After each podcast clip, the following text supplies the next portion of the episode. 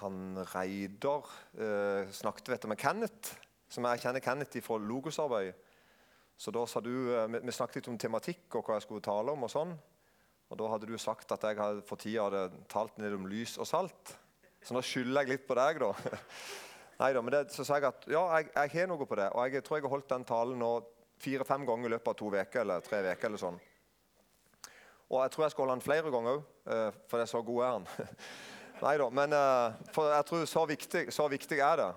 Så må vi se hvor heldig jeg er i kveld, og hvordan du opplever det. Men, men uh, bare helt først som en innledning Dette er vel ifra den andre misjonsreisen til Paulus. Men poenget her er egentlig bare på slutten der. At når Paulus forkynte, så ble det sånn at han ble beskyldt for at i siste verset der, denne mannen overtaler folk til å dyrke Gud på en måte som er i strid med loven.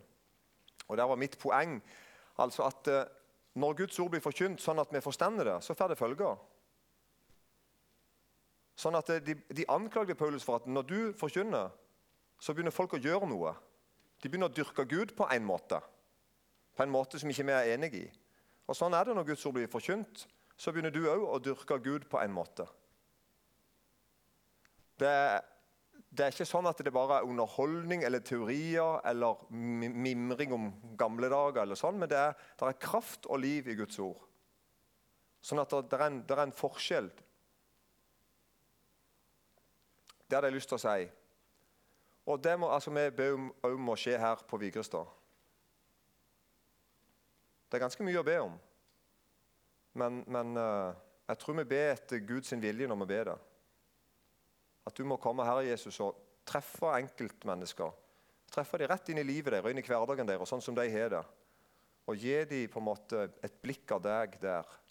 Hvordan det skal være mot de de bor i lag med, de de er naboer med, de de er kollegaer med, de de treffer i dagliglivet. Hvor de skal tenke om seg sjøl. Amen. Og det de noen vers som jeg vil ta utgangspunkt i, er noen ganske kjente vers tror jeg, for de aller fleste. Matteus 5.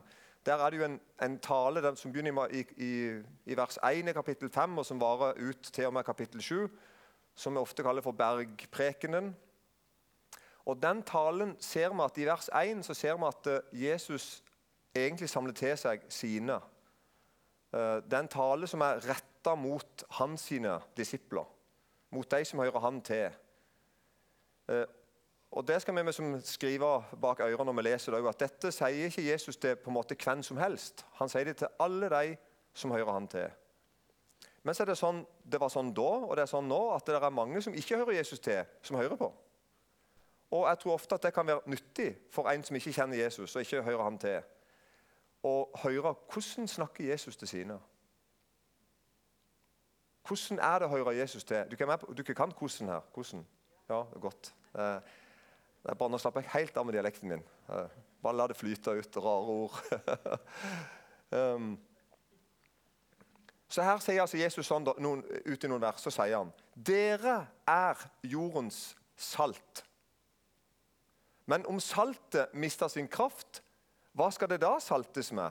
Det duger ikke lenger til noe uten til å kastes ut og tråkkes ned av menneskene. Dere er verdens lys.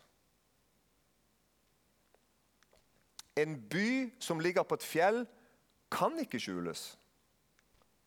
Heller ikke tenner noen et lys og setter det under et kar, men i lysestaken. Da lyser det for alle som er i huset. Slik skal dere la lyset deres skinne for menneskene, så de kan se de gode gjerningene dere gjør, og prise deres Far i himmelen.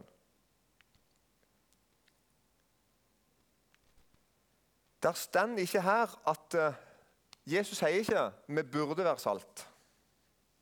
Sånn, snakker, sånn, tror jeg at jeg har snakket en del om salt før, og sånn hører jeg mange andre gode folk snakke.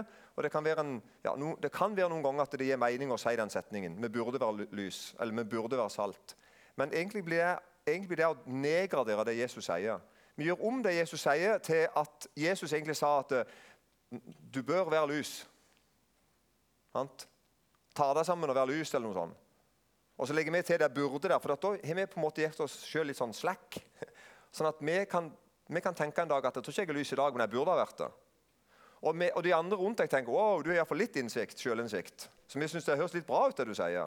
Og så sier vi òg det. Og, eller vi fokuserer på å bli lys, eller noe sånt. Det var det beste ordet jeg kom på. Altså, Det er ikke det Jesus sier. Vi burde ikke være salt. Vi burde ikke være lys. Det Jesus sier, er at vi er det. Og det er en ekstrem forskjell. Altså, Han er helt vanvittig. Det første er bare å holde noe med som holder et eller annet teoretisk for sant. på en måte. Og, så, og som sagt at Vi nedgraderer det Jesus sier, og tenker at nå skal jeg ja, Jeg syns Jesus sa det litt voldsomt. Men jeg kan for si at eh, på en god dag da, så kan det kanskje være et bitte lite lys. Og så sier vi andre at det høres litt fint ut når du sa det, men egentlig er det ikke det. Det er noe her må, jeg ønsker vi skal ta til oss. For dette sier altså Jesus. Du som hører Jesus det, enten du vet, om du har gjort det i 30 sekunder eller i hele livet ditt og du er gammel Du er jordens salt, og du er verdens lys. Du er det. Og faktisk så er det sånn at hvis du ikke er det, så er du ikke Guds barn. Og Da tenker jeg alle her tenker at da vil jeg være det. For jeg vil høre Jesus det. Sånn, det, er det, er Jesus knytter sammen. Og Logikken er ganske enkel. egentlig. Hvem er det som er lys og salt? sånn egentlig? Hvem er verdens lys? Vil Det er jo Jesus som er det. Ja? Og nå hører du han til. Du er hans sin, og han er din. Nå er du verdens lys og jordens salt. Det er en enormt stor ting. Og som salt jeg skal ikke si så mye om det, men som salt så er vi den eneste grunnen til at verden ikke gjenger onde i forråtnelse. Saltet har det der bevarende det der bevarende med seg, omtrent som en kjøleskap eller en fryseboks. Eller, det er det som gjør at maten varer litt lenger. det At ting ikke råtner. Sånn at eh, Saltet er så langt jeg forstår, først og fremst eh, et bilde eller et eksempel på altså at uh, noe ikke råtner, men holder seg lenge. Vi som hører Jesus til, er jordens salt. Hadde det ikke vært for meg og deg, så hadde jorda gått unna. Hun hadde gått i oppløsning, på en måte, gått sund. Og som lys så hindrer vi at verden er i et totalt mørke. Noen plasser i verden ser det ganske mørkt ut. Det gjør det kanskje til meg i livet ditt. Men tro meg, det er et mye større mørke hvis ikke det hadde vært håp her i, i verden. Så du som hører Jesus til Nå sier jeg bare noe her. Det er jo ekstremt, det er store ord å ta, ta, ta i munnen min. altså. Men du som hører Jesus til, du har del i Guds rettferdighet. Du har del i Guds hellighet. Og som vi hørte nå med det ordet til åpning, veldig godt vers i, i Romerbrevet 15, 13, var det? Ja. Og der, der Paulus sier Han snakker om uh, det, det, er så bra sagt. For han sier, um, han sier Må så håpets Gud fylle dere med all glede og fred i troen. Og det er akkurat som at Paulus sier at uh, han på en måte disser eller, eller på en måte, han, han skiller Gud ut fra alle andre guder. Alle andre ting du kan tro på. Så sier han meg som at Gud han er håpets Gud.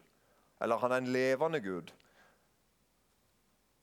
Vi hører til, vi har et levende håp. Det er ikke bare sånn et ønske at det, jeg håper det går godt til slutt, eller noe sånt, men vi har et levende håp. Jeg vet det går godt til slutt. Jeg har evig liv. Jeg hører Jesus til. Jeg vet det går godt til slutt. Ikke bare sånn at jeg, jeg ønsker det, eller ja, vi får lukka øynene eller krysse fingrene. eller vet ikke hva du gjør her. Men, men, vi tenker at nei, vi trenger ikke det. Vi kan se døden rett inn i hvitøyet og si du har ikke en brodd lenger. Du har ikke taket på meg lenger. Jeg skal hjem. Jeg hører Jesus til. Så du som hører Jesus til, du er noe helt fantastisk. Du er et vandrende mirakel. Og Det er så godt at du er her. Og, og alle rundt deg òg. Naboene dine og det du treffer på veien og på butikken og hvor det, hvor det er du holder deg. Så, så, Du kommer ikke til å få så mye takk for det, da, men, men du skulle bare visst hvor betydningsfull du er for de rundt deg som ikke kjenner Jesus. Og Nå skal jeg si noe her som er ennå det, det, det, vold, det her er voldsomme saker, spør du meg. Jeg, jeg har ikke noe mer voldsomt å si, tror jeg. Eller noe som er mer voldsomt. Vi som hører Jesus til, Vi representerer Gud ved å være en bolig for Han. Er du ikke med på det? Bibelen bruker mange eksempler på det. Vi er hver for oss et tempel for Den hellige ånd. Det står rett fram i Bibelen flere plasser at Jesus, eller Den hellige ånd da, flytter inn i legemet mitt. Sånn at jeg er et tempel for Den hellige ånd. Kan du tenke deg? Så jeg, jeg er en representant for Gud her på jorda. Jeg er et tempel for Den hellige ånd. Og så er jeg en ting til. Jeg er en av de der små levende steinene som til sammen danner ett stort tempel. Så jeg er, jeg er, noe alene sammen med Gud, og jeg er noe, jeg, jeg er noe enda mer når jeg treffer dere i et fellesskap med dere. Kan du tenke deg? En plass her i veldig liten skrift. Eh, Jesaja 57, 15. Jesaja 57, 15, så har jeg skrevet her, men vi ser det var altfor liten skrift for å dykke der bak. Der står det sånn For så sier den høye, den opphøyede, han som troner for evig, han som bærer navnet hellig, kolon. Hva er det han sier for noe? Jo, i det høye og hellige bor jeg. Det skjønner vi jo. Det skjønner vi jo. Så kommer det et komma. Og hos den som er knust og nedbøyd i ånden. To steder har Gud den allmektige valgt sjøl, helt frivillig å bo. Og det er i det høye hellige og hos du som er nedbøyd, en nedbøyd ånd. Du som, er, du som, er, altså, som Gud har fått rett i møte med. Du som respekterer Gud, som har bøyd deg for ham. Og Da skal han altså gjøre deg levende for å gjøre levende de nedbøydes ånd og gjøre de knuste hjerter levende. Tenk på det. Og Vi er alt dette som jeg nå bare har sagt på en veldig kort måte. Det kan godt være vi går mer i dybden på noe av dette senere en dag, for det er ganske mange gode vers i Bibelen på dette. Men vi er altså alt dette her store. Lys og salt og tempel for Den hellige ånd. Og en representant for den, hellige, for, for Gud, den treenige Gud. Ifølge Jesus da, så er med alt dette så tydelig at problemstillingen til Jesus er ikke jeg håper noen ser det. Jeg håper lyset ditt skinner såpass at noen legger merke til det. Nei, Jesus sin problemstilling er motsatt. Han sier det går ikke an å skjule det. Vi tenker ofte motsatt. Det er en slags, Dette lille lyset mitt den skal, jeg, den skal jeg tenke litt på senere. om. Det er, om jeg er enig i at det er så lite. Men det er ok. Det kan vi ta en annen gang. Men, men liksom, du som hører Jesus til, det er så tydelig at du har med Gud å gjøre, at du kan ikke skjule det. Det er, problem, altså det er problemstillingen til Jesus, ikke motsatt. at eh, Jeg håper noen legger merke til det. på en måte. Kan være hvis du er på en god dag at noen legger merke til det. Nei, det er motsatt. Dere er verdens lys. En by som ligger på et fjell, kan ikke skjules. Sånn er det. Og jeg tror det er noe sånn enormt sånn Ja, det er, det er Det å kunne på en måte tro at det er sånn, forholde meg til det at det er sånn, ikke bli så krampaktig i det hele. Så ta det innover deg. Du som hører Jesus til, er jordens salt om du tror det eller ikke. Og Det er jo derfor du tror det. Det er ikke at Hvis du bare må tro det, hvis du, bare må, hvis du er nødt til å tro det for at det skal være sant, så gidder vi jo ikke. Men dette her er sant om du tror det eller ikke. Og Her er det som at paradoksene eller selvmotsigelsene eller er du ikke med på paradoks? Paradoksene de stender på en måte nærmest i kø for sånne som deg. For at I versene i teksten før Matteus 5 nå la jeg Der av jordens salt står i vers 13. Men i de første versene så, så snakker Jesus til sine, og så sier han Salige er de fattige i ånden. Og Det er jo sånn en salig, det å være salig er den høyeste form for lykke. Det, det er den, den høyeste form for lykke som planeten kjenner til. Og Så sier altså Jesus at den høyeste form for lykke. De, de, de, de, som, er, som er salige, altså, som hører Jesus til, og som er født på ny, barn av Gud, og har funnet lykken med stor L, liksom, de er fattige i ånden. For meg høres det rart ut. Fattig og lykkelig høres vi som ikke Det er ikke to sånne Der som jeg kommer ifra, så er ikke det to sånne synonymer. da. Rik og lykkelig er mer. Men der kommer det mer, da. De kristne er ikke så glade fordi de er fattige, men de det, er, det er deres fattigdom i ånden som gjør at de får hele himmelriket. Så Derfor er du egentlig rik. Det er en rar ting, men Poenget her er det, poenget mitt er å si at det er en slags sånn paradoks her. er du ikke med? Du er fattig men det er en fattigdom som gjør deg rik. Så du er egentlig rik.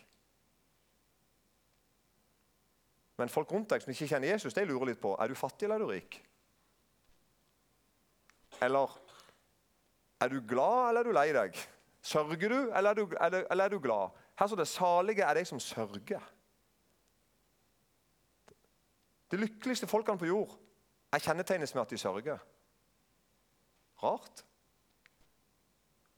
Det er fordi at de finner trøst. Du som hører Jesus til, du har fått en trøster med stor T. Du kan gå til Jesus og finne trøst for absolutt alt. Men det er likevel sånne kjennetegn. En truende, en salig, en kristen, han sørger og blir trøsta. Han er fattig, men han er rik. Eller salige er de nedbøyde. For de skal arve jorden like godt.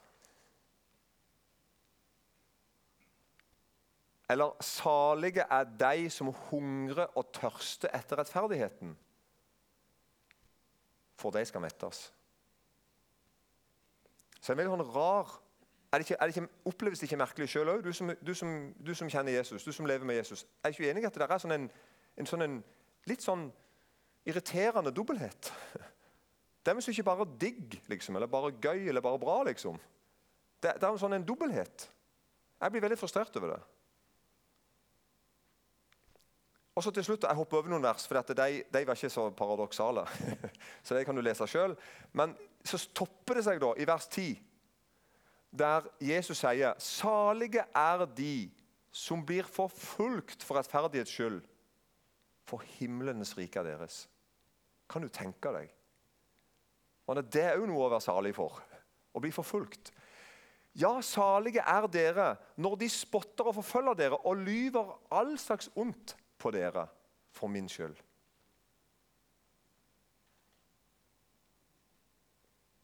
Gled og fry dere, for stor er den lønn dere har i himmelen. For slik forfulgte de profetene før dere. Og Her på en måte topper det seg. Jeg skjønner godt at en del ikke-kristne lurer på hva som er så bra med å være kristen. Når du ser sånne vers som det der. Hva er det egentlig du ikke holder på med? liksom?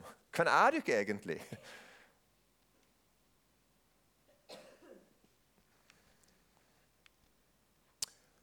Paulus han skriver det jeg skal ikke si bedre, for det hadde vært stygt å sagt, men han skriver det iallfall like godt synes jeg, i 2. Korinterbrev, kapittel 4.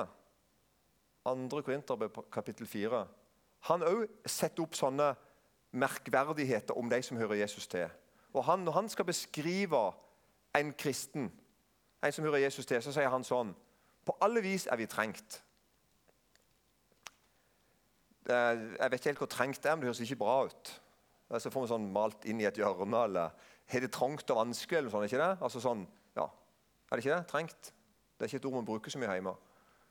På alle vis er vi trengt. Det er, det er noe negativt, men ikke stengt. Så akkurat som, akkurat som vi, er, vi er på en måte Det er noe trengt med oss, men det er ikke stengt. Eller vi er rådville, men ikke rådløse.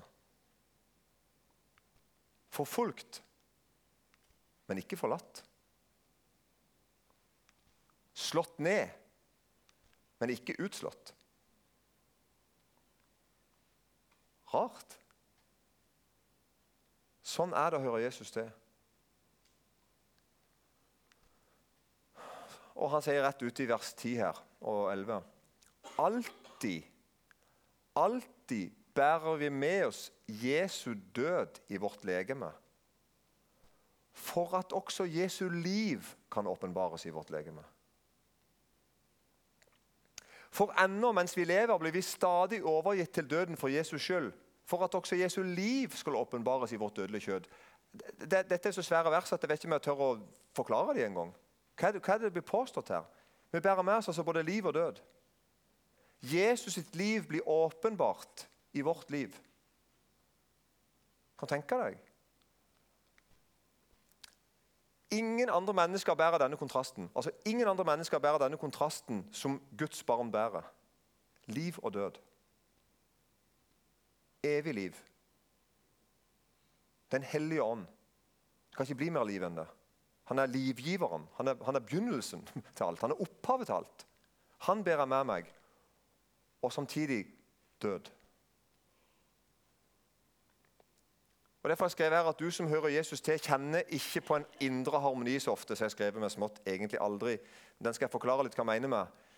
med, med hvis, hvis, hvis, en kristen setter seg ned under et epletre eller et eller annet, og så prøver å meditere litt og finne med som roen, så vil du merke at oi, her var det ikke ro. Det var ikke ro, roen var ikke her. For du vil, du vil antageligvis merke at det er en kamp inni deg.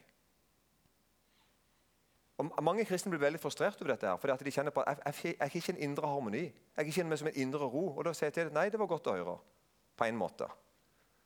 For det, det, det at du kikker innover deg sjøl og merker gamle, din gamle natur, din syndige natur, sant, din egen vilje, den som er i protest mot Gud, og så samtidig merker du Hei, der var Gud òg. Gud òg er her inne med sin ånd. Han som elsker sitt, sitt eget ord. Altså han, han, som både vil og kan følge Guds ord. Han òg er her inne. Det er en rar ting å oppleve.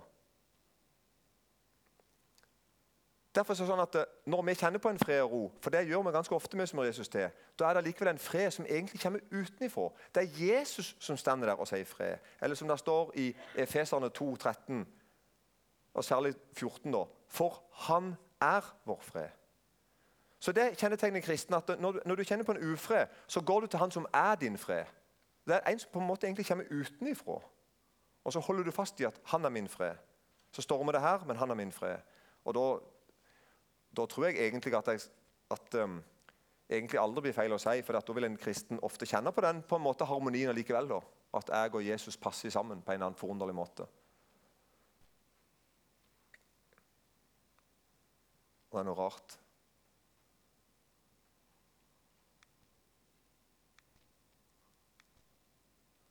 Vi blir på en måte vandrende mysterier, har jeg sagt.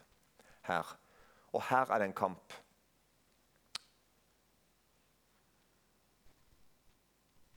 Jeg håper egentlig at du, at, du, at du, sa inni deg nå ja, det kjenner jeg til. Og Hvis ikke, så håper jeg at du blir med. For her er det en kamp. Mer enn noen gang tror jeg, så er det en kamp her for du som har Jesus til. Satan sier til deg at det er ikke sånn at du er lys og salt. Det er sånn at du burde ha vært det, men du er det ikke. Du burde skamme deg.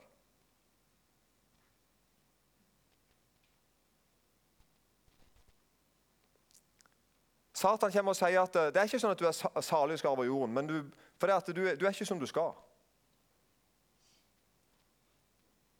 Og Så slærer Satan seg sammen med min gamle natur, om du vil, min, min tankegang, min egen personlige tankegang. Og han slår seg sammen med verdens tankegang, hvis det gir mening å si. Altså Tankene der ute, de som ikke kjenner Jesus. Og så blir egentlig alle disse tankene støtte tanken på at uh, jeg tror jeg skal slutte å ta munnen for full og si at jeg er jordens salt og verdens lys. Det blir, det blir på en måte for ja, Da er jeg nesten cocky. Så jeg tror heller at jeg sier at jeg burde ha vært det. Og så blir vitnesbyrdet mitt til dere da, at jeg Ja, vi burde jo ha vært lys og salt. Og så sier dere ja, vi burde ha vært det. Og så sukker vi litt over det, og så går vi hjem. Det er farlig. Fordi at du er jordens salt.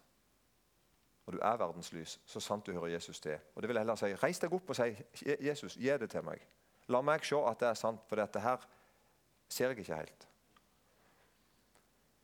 Jeg skal si en ting til. Det som gjør at det er litt bra, det er at du syns det er litt greit å bare gi, gi, opp denne kampen. Skal jeg si en ting til? Eh, det er ikke sikkert å treffe blink på alle nå, men på seg sjøl kjenner en andre. ikke det det heter. Så hvis du er som meg, så er du litt sånn Det er noe bra med å gi opp denne kampen. For jeg føler litt jeg føler litt mer fri. Det er klart det forplikter. Hvis jeg går ut i byggefeltet på Skeie, der jeg bor, og liksom kommer gående ut der i, 30, med, med, i 40 hus og sier at jeg er, jeg er jordens salt, jeg er Skeies salt, jeg er Eikens salt og Eikens lys Det forplikter jo. Jeg ser jo den. En del folk vil si 'Oi sann, du er der, ja'. Og det, det, vil, jo for, jo forplikte. Ikke sant? Og vet du hva? Vi kristne tenker at den forpliktelsen vil ikke jeg ha. Jeg syns det er litt greit å gå litt i gråsoner. Ikke sant? Det er nesten litt fromt. Og tror, Her tror jeg at vi er ute å kjøre som kristen folk på en måte. Vi, jeg tror vi må driste oss til å si jeg vil ha dette her.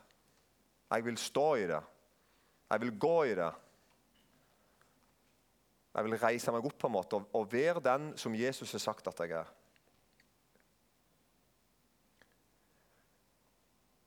Denne teksten her fikk jeg ramlende ned i hodet. Eller ikke ramlende ned, han, han dunkte inn i hodet. Jeg satt på Nærbø faktisk og snakket med en bonde klokka 11 på, på en Yngres. og Ingen av ungdommene ville snakke med meg, så jeg fant, gikk og snakka med en på min alder i stedet for. Og han ville snakke med meg. Han, han i fall hadde ikke skam til å gå vekk. så vi to ble sittende og snakke. Og mens jeg snakket med han om litt sånn livet med Jesus, og sånn, så ramla disse versene inn i hodet på meg. Og jeg, jeg, så dette her nå, sier til dere, Det så jeg da mens jeg satt der klokka 11 den kvelden. Så jeg sa til han, kan du vente litt, så måtte jeg ta opp i blokk og så måtte jeg skrive ned. Det ble helt nytt for meg. Det er nå toppen av morgensida. Jeg er utrolig dårlig på tall. Men det er iallfall ikke lenge siden. Og jeg vil bare vitne for dere og si at Etter jeg, denne, etter jeg på en måte gjenoppdaget dette nå for en stund siden, så det har fått enormt positive følger for meg. Det vil si, det har fått enormt positive følger for kona mi. Det har fått enormt positive følger for ungene mine. Det har fått enormt positive følger for den tjenesten jeg har. Jeg begynner å forstå, jeg holder fast på det at det, er noen ting jeg er i Kristus. Jeg er ikke på en måte hvem som helst.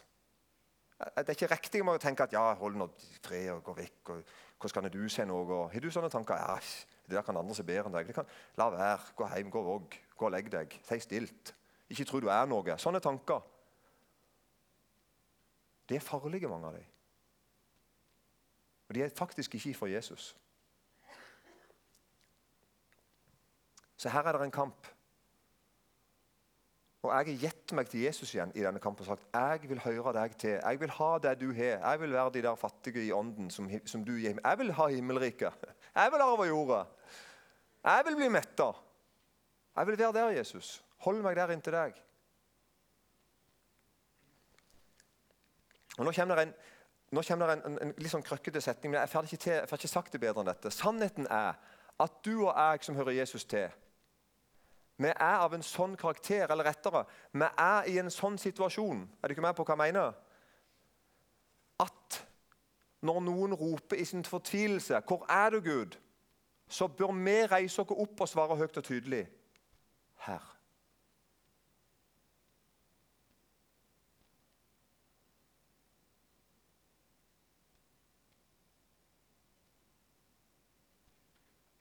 Er litt, nå er jeg litt drøy, nå er jeg ikke det?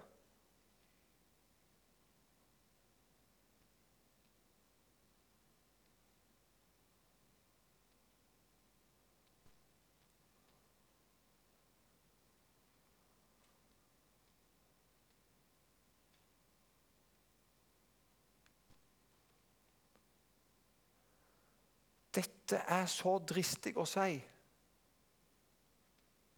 Og det er så radikalt, ja, så vanvittig. Jeg og Gud er ett. Der jeg går, er Kristus til stede i verden. Så totalt virkelig, altså. Så, så, så, så endelig at Jesus sier 'Dere er jordens salt'. Jeg er der Jesus er for Jesus skyld.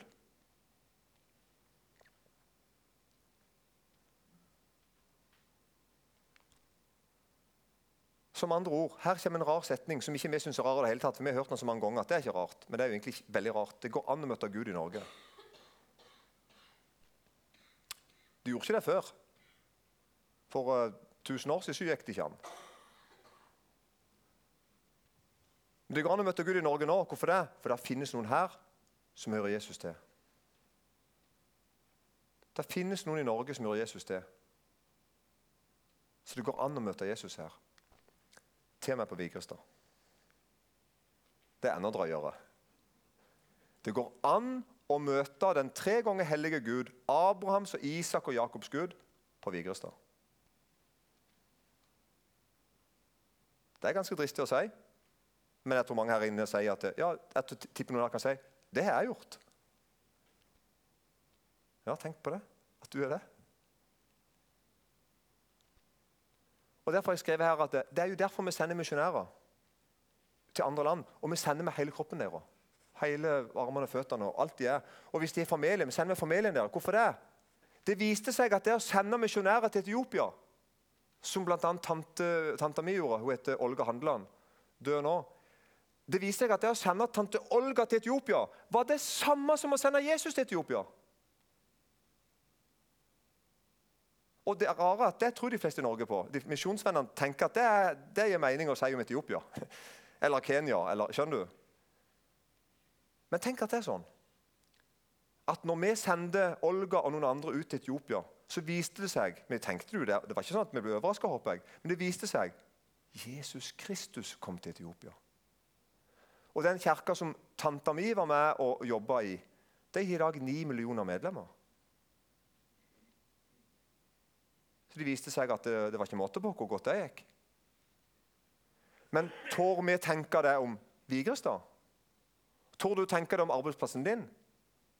Tør du tenke det om bygda der du bor, i borettslaget ditt eller i velforeninga di? Eller, eller, eller, på fotballklubben din, eller i klassen din, eller i familien din? eller At det å sende deg inn i din familie viste seg å være det samme som å sende Jesus Kristus inn der.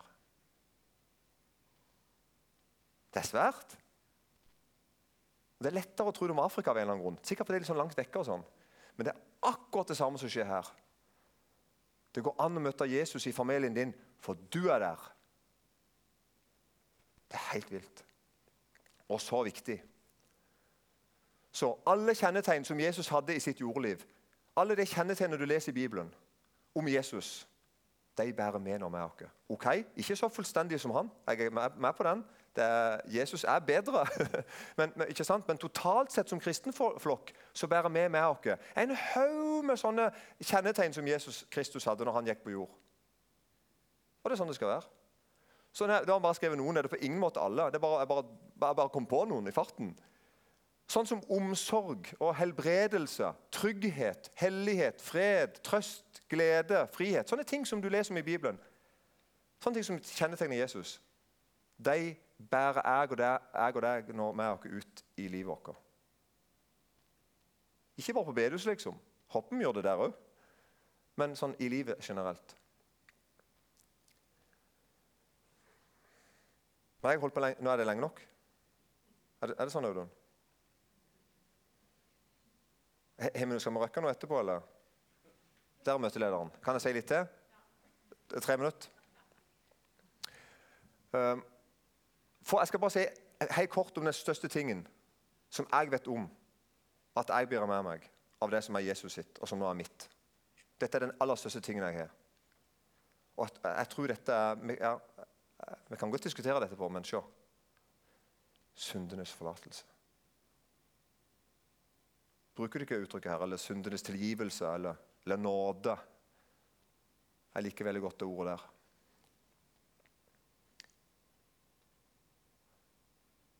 Tenk at det finnes syndenes forlatelse.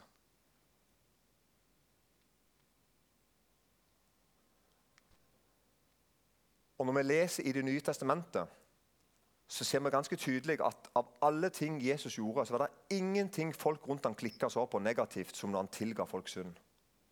Og vi har ganske lett for vi er ganske lett for å tenke off for noen fariseerne oh, så de, reagerte så. Men, oh, så, som, vi, vi, vi, vet at det ikke er bra, liksom, før vi leser historien. Vi, men poenget er at fariseerne og de skriftlærde når de reagerte veldig på at Jesus jeg har synd, de hadde et poeng som ikke vi kanskje tenker, tenker på.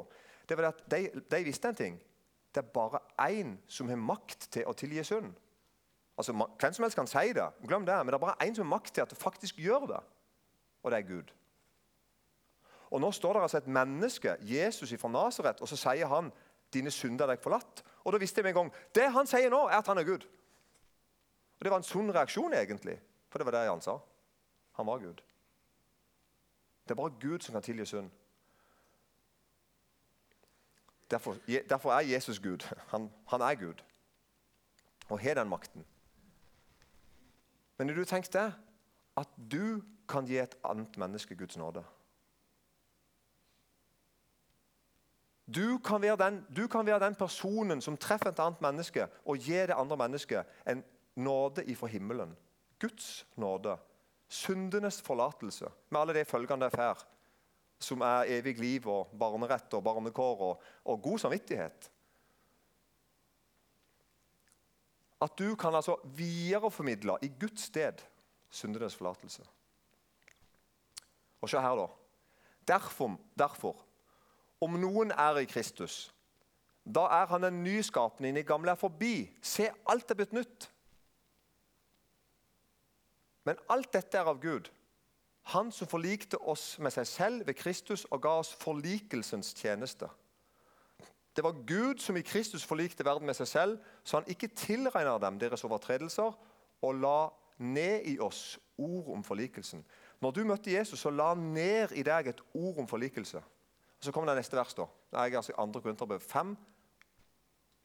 Så er vi da sendebud i Kristi sted. Og Jeg elsker den setningen etterpå. For Hvis det hadde stått punktum da, så hadde jeg tenkt at ja, var ikke det litt sånn drukt? Så, så, så, er vi da sendebud i Kristi sted, komma, som om Gud selv formaner ved oss. Har du ikke satt inn over den setningen der? Det er jo helt, det helt aldeles Hva skal vi si? Fantastisk. Vi ber i Kristi sted, kolon, la dere forlike med Gud. Så jeg kan altså stå foran deg nå, og Jeg kan stå foran mange som jeg ikke kjenner engang. Men jeg kan jo stå foran én person som bekjenner sine synder bare til meg. Og så kan jeg, kan jeg tenke nå skal jeg gjøre noe. I stedet for at Gud er her, så skal jeg være her. Og så har jeg lov til å gjøre det. Jeg står altså Jeg, jeg sender budet i Kristi sted, og så står jeg her som om Gud sjøl står her. Og så sier jeg la dere forlike med Gud. Omvend deg. Bøy kne. Ta imot. Det er helt enormt. Hvis noen har noe større, så kom med det. Jeg tror ikke dere er det. Jeg tror jeg skal stoppe der. Og jeg underdykker og snakker med mennesker om deres synder og deres samvittighet. Jeg underdykker det. Jeg håper du ikke har noen folk du kan snakke med om livet sitt. At, uh, jeg skal ta én fortelling til slutt, så nå, da gikk jeg over de tre minuttene. Uh, jeg satt og snakket med en mann på min alder, og han prata prata. prata. Og Jeg satt egentlig bare og hørte, og jeg skjønte jeg faktisk ikke helt hva han, hva han, ville. Vi var på en plass langt vekke. Jeg, vi hadde aldri sett hverandre før. Og etter hvert, så når, han fortalte om livet sitt, og sånn, så hørte jeg at jeg tror han Så fikk jeg bare, jeg fikk en innskytelse. Det er poenget mitt. da. Så gjorde han noe jeg aldri hadde gjort før da. Jeg nesten avbrøt han, det har jeg gjort før, men jeg nesten avbrøt han, og så sa jeg Du, om du har lyst på syndenes forlatelse Og så setter han i og griner som en unge i det øyeblikket jeg spurte, så sa han ja. Og Så la jeg hånda på han, og så ga jeg han syndenes forlatelse. I Faderens, Sønnens og Den hellige ånds navn. Og han, det, det ikke jeg visste, var Han var plaga av en dårlig samvittighet. Og Så ble han løst den kvelden. og Det merket vi dagen etterpå, vi som var på samme plassen da, at han var en ny fyr. Men det går an å gi. Du altså, kan gi et annet menneske syndenes forlatelse. Så du som hører Jesus til, du aner ikke hvor viktig du er. Du aner ikke hvor viktig du er. Du er salt, og du er lys. Og du kan gå æren for Gud.